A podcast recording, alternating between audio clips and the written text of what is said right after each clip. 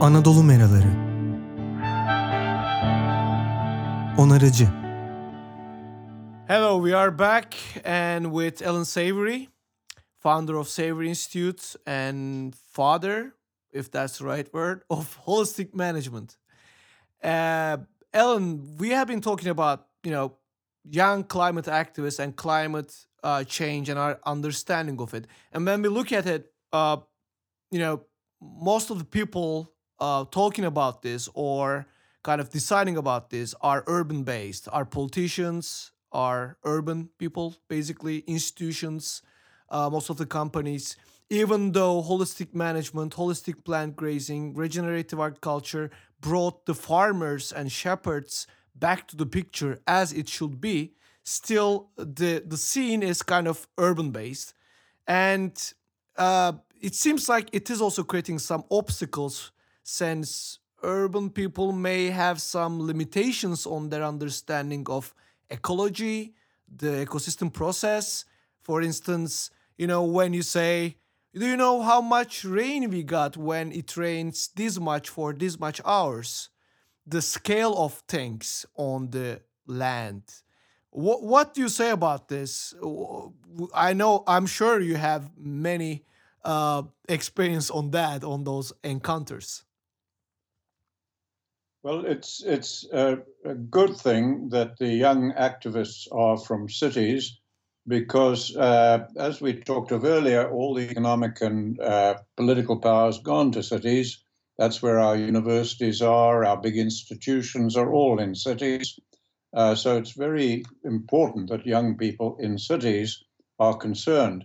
And also, you will often read about uh, from various scientists. They'll talk about if climate change keeps on going, our poor urban people will suffer. And right now, from global desertification, um, and um, which is a major cause of climate change, the people all over North Africa, for example, are suffering and dying and ending in violence. And people say that's where the most suffering will be. No, that is not where the most suffering will be. That is only temporary. That is what is happening right now. And those people are fleeing as environmental refugees from that desertification. And they're fleeing to countries in Europe. And you're seeing the political problems it's causing in Europe as these migrants uh, flood in. Now, as climate uh, keeps changing and global desertification keeps advancing, the greatest suffering, and it's going to be horrific it's going to be like nothing ever before experienced by humans will be in the cities because the cities will collapse and people don't know how to feed themselves, they've lost contact with the land, etc. So the greatest suffering is going to be in the cities, and young people, I think, are astute enough, or I hope they're astute enough to know that. They are the people that have to revolt now and do something because what happens in North Africa and Australia and America and out on the land with agriculture is controlled almost entirely by people in the cities, controlling the companies, the universities, the institutions, the governments, etc. Now, let me say a word about the scale. You cannot have a university, a school, uh, a church, a museum, an army, a government. You cannot have anything that is tied to city based civilization or civilization which is defined as city based. You cannot have any of it without agriculture. So, without agriculture, these, these cities wouldn't even exist. And so, what the young people need to focus on now is what is causing um, global desertification and climate change. Now, when they focus on that, they will have to focus on agriculture very quickly because agriculture is not crop production. That's what a lot of people in cities think of. Yeah. When you say agriculture, they think of growing corn, etc. No, agriculture is the production of food and fiber, wool, leather, wood, all these things food and fiber from the world's land, and waters. So the whole of our planet is now virtually engaged in agriculture. There's hardly anywhere that isn't, with the ocean, fisheries, etc. And if we look at agriculture today, the oceans are dying, fish are being overfished, sharks, whatever, whales, uh, the continental shelves, uh, which are the most productive parts of the ocean, are dying as they get covered with silt because dead and eroding soil is the biggest product from agriculture on the land. Today, uh, we're producing more than 20 times as much dead, eroding soil as food we need for every human alive today. Uh, agriculture is leading to the burning of forests and grasslands on a massive scale. Agriculture, I think, without any doubt in my mind, is as big, if not bigger, cause of certainly global uh, desertification and probably climate change than uh, coal and oil ever were. And so almost nobody is doing anything about that except a group involved in what we call regenerative agriculture, but we're, we're a small group, less than two or three percent of, of the people involved. So young people are going to have to look at the scale of the problem, that cities are going to be where the greatest suffering occurs as we have to abandon our cities. We've abandoned cities throughout the history of the world in the past, and now we're going to have to do it on a global scale if these young people are not successful in forcing adults to begin addressing the cause of both desertification and climate change. Well, that's that's it's, it's, very important that the people in the cities, the children in the cities, are rising in protest. Well, that that's very good that you said all this because uh, when it's, for instance, I will just give you an example from from Turkey when people are talking about the water issue uh, lack of or shortage of water, running water from their taps, uh, most of the actions uh, or even policies, you know, uh, are focusing on, let's say, shorter, uh, uh, having shorter showers, right? Or like using yeah. smaller, I don't know, bathroom equipments and stuff like that. Yeah. But in the meantime, more than 85% of all the water used in Turkey is used for agriculture. And we are losing so much water, running water, with the eroding soil, as you just said, uh, because of the uh, way we do agriculture. So, I mean, I, I wrote an uh, article in Turkey saying, let's take longest showers, you know, possible, but just manage the land so, w- would you tell something about the scale? Like, uh, people, I think, have sometimes uh, hardship to understand how biggest, much bigger portion, as you say, the land management, the ecosystem management, have uh, as an impact on the uh, on our survival.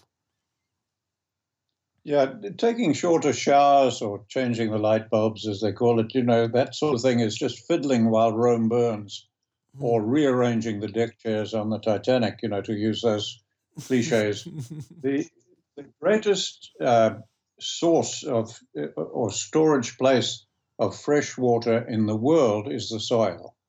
The amount of water, fresh water in the soil, is far greater, I believe, than all the rivers and lakes and uh, glaciers in the world. All right, so this is an enormous store of water and long ago in the 1960s, I got terribly worried about it because in an area in Africa on one river, the Limpopo River, at the headwaters of the river, we had a terrible drought. Animals were dying, the government was playing drought relief aid. But lower down on the same river where it goes to the Indian Ocean, there were terrible floods in Mozambique, and the International Red Cross was collecting money for flood victims. Now, I was a research officer in government at the time, and I said, This doesn't make sense. How can you have the same river, and at the top of it, where the rain falls, they have a terrible drought, but at the bottom of the river, they have a terrible flood? Hmm. This doesn't make any sense what I was taught at university. I've got to look at this fresh. And that's when I came up with the concept of what I call effective rainfall. So, what is happening today is because of the reductionist management of all our institutions, universities, environmental organizations, and governments, over most of the world, the rainfall is non effective. Now, that's easy to define. Effective rainfall is the rain that falls on Turkey's land, all right? It soaks into the soil and then it only leaves the soil in two ways. It leaves the soil by passing out through plants as they grow, transpiration, or it flows through the soil to river flow and aquifers and springs, or, or, or, you know, otherwise it remains in the soil. That is effective rainfall that the world had for most of history, over most of the world. Now, since humans and reductionist management and killing off animals and burning and replacing their oil with fire and the teachings of universities, that's all reductionist. Now, what we have is non effective rainfall. And you see that over and over. Non effective rainfall is rain that falls on the land, for instance, in Turkey, and then the bulk of the water either flows across the top of the soil to give you floods and silting and carrying soil. All right? mm-hmm. Or if the water soaks into the soil, it then turns around and evaporates out of the bare soil surface, just like your hair dries rapidly after a shower. It evaporates out of that bare surface and it leaves you with salt and salination on the top or close to the top of the soil, and the fresh water has gone back to the sky. And very little is left to go to underground aquifers or river flow. And because of non effective rainfall, that's why you get so many droughts today. They are man made droughts, and the natural droughts are 10 times worse than they should be. And you get so many floods today, and when you get natural floods, they're 10 times worse than they should be. That's because of reductionist policies, teachings in our schools, our universities, and all our institutions. So, again, the young people need to focus on understanding effectiveness of rainfall. Mm. Now, effective rainfall, even though I came up with that concept in 1960 and we've taught thousands of people and so on, it's not yet even in the literature, except in our textbook. Yeah. Yeah, and it it is like as you say it, it's just a huge scale i mean i can't I am. I used to give. Uh, I still do actually give some numbers on people, just as you were saying, on the impact that we can create if only we can improve our uh, effective rainfall rates. I don't know, like twenty percent worldwide. The impact it would make and it's very interesting that even people who are very much interested with ecology or climate change are not aware of that so i absolutely agree with you on actually underlining the importance of uh, the ecosystem processes and especially of the effective rainfall well it's what we've got to get people like Greta and all these young people understand, and they will understand it quickly. Yeah, much quicker than I did. That's I'm sure of. well, um, and uh, this there's a lot of debate going on on eating meat or not, right? And surprisingly, or not very surprisingly, uh, the importance of uh, let's say ecologically regenerative uh, meat, uh, you know, cows or sheep grazing holistically, sequestering carbon on the on the soil and things like that, are also underlined by many people uh, with the new diets, you know, carnivore diets, paleo diets, and this kind of things. Um, but there are also people saying that, well, you know, the livestock industry is still big and we should stop it. Uh, it's very extractive. What What do you say about all these debates around eating meat or not? The, the world is running around like chickens with their heads cut off, just debating and arguing, and it's it's all just fiddling. It's irrelevant. You, the the discussion about meat and diet, should we eat meat, shouldn't we eat meat? The vegans who vilify me and condemn me like anything, the people who argue about how much methane cattle put off and what a global warming gas it is. And then there are people who argue about how much carbon can the soil really store or sequester. And all of these discussions are simply wasting time while our ship is sinking. Now, why do I say something so harsh? Let me speak as though I'm speaking to young people and get them to understand that it, if we make some assumptions that are incorrect, let me assume that eating meat was very wrong and that no humans from now ever ate meat again. We all become vegan. Let's assume that cattle don't just put out methane, they put out 20 times or 100 times the methane they do. Let's assume that for a moment. It's not true, but we'll take it as a given. Let's assume for a moment that the carbon, no carbon could be absorbed in the world's grassland soils, even though they're the deepest soils in the world. Let's assume that. So we take these three things and assume they're right. No carbon can be stored. Cattle put out 100 times the methane they do, and every human stops eating meat. Now, I would say to the young people of the world and to all the scientists, including Nobel laureates, what are you going to do about global climate change and global desertification? You have no option but to have thousands, millions more animals back on the land, out of factory feedlots, out of being treated like a factory, which yeah. is cruel, inhumane. It should be illegal. It is so damaging to humans, to our health, to our environment, to our economies. We need millions of animals back on the land. Now, why do I say that? Because if you look, as I spoke in the TED talk, uh, if you look at the two thirds of the world's land, including a lot of Turkey, that is desertifying, what tools have we got to fix it? We cannot even drink water without going to a river and drinking with our hands and our mouth if we don't use technology a mug, a cup, some technology. So, to fix desertification, young people have got technology. Now, all the technology in the world, even imaginable, cannot solve a biological problem of that nature. So that is out. Now, what other tools do humans have? We have fire. And with fire, our technology advanced through the copper, the bronze, and the iron age to the technology you're using to speak to me across the world now and everything around you in the room you're in was made possible by fire. So we could use fire, but that is rapid oxidation and is a major cause of climate change and desertification. The only other things humans have ever decided they could do is to conserve or rest or let the environment recover. All right, so we can do that and that causes desertification over two thirds of the world.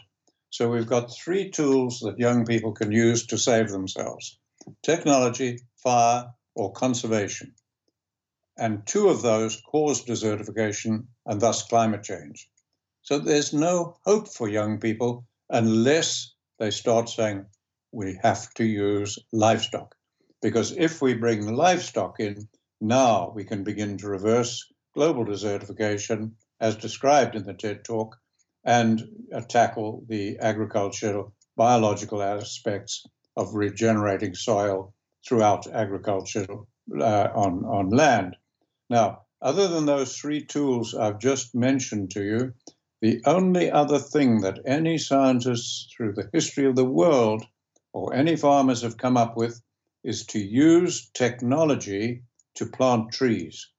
You can't plant a tree without technology, even a spade, whatever. Yeah. So they use technology to plant trees, and people have done this for thousands of years. The Nabateans did it. Many people have done it. Um, the United Arab Emirates has spent 30 over 30 billion dollars desalinating water and planting trees, and the desert's just marching through. The Chinese have planted millions and millions of trees, and desert sand is now falling on Beijing. It can't, and we, we gave a, a very deserved Nobel Prize to a woman in Kenya for mobilizing the villagers to plant trees. Wonderful effort on their part. She deserved it. But it can't deal with desertification or climate change because you've got to have rainfall above, above about four or 500 millimeters for trees to be able to stabilize soil. So, so again, everything that's available to the Gretas of this world and the young people, there is nothing there that can address climate change through desertification, reversing desertification, except livestock. So it's again terribly critical that we focus yeah. on that and stop wasting time talking about methane and diets and how much carbon can be absorbed. We're just wasting time while the ship sinks. Well, thank you very much, Allan. It was very insightful again. Um, I really like this um, three assumptions you gave. Even if we are all vegans, even if the carbon doesn't store any, uh, if even if the soil doesn't store any carbon, and even if the cows emit ten times, hundred times more methane, we still definitely need livestock on at least two thirds of the land surface of the world. Um, thank you very much, and we will continue this podcast. Actually, I'm just thinking of getting into the management of grasslands uh, right after that. So, uh, thank you again, and uh, have a good day.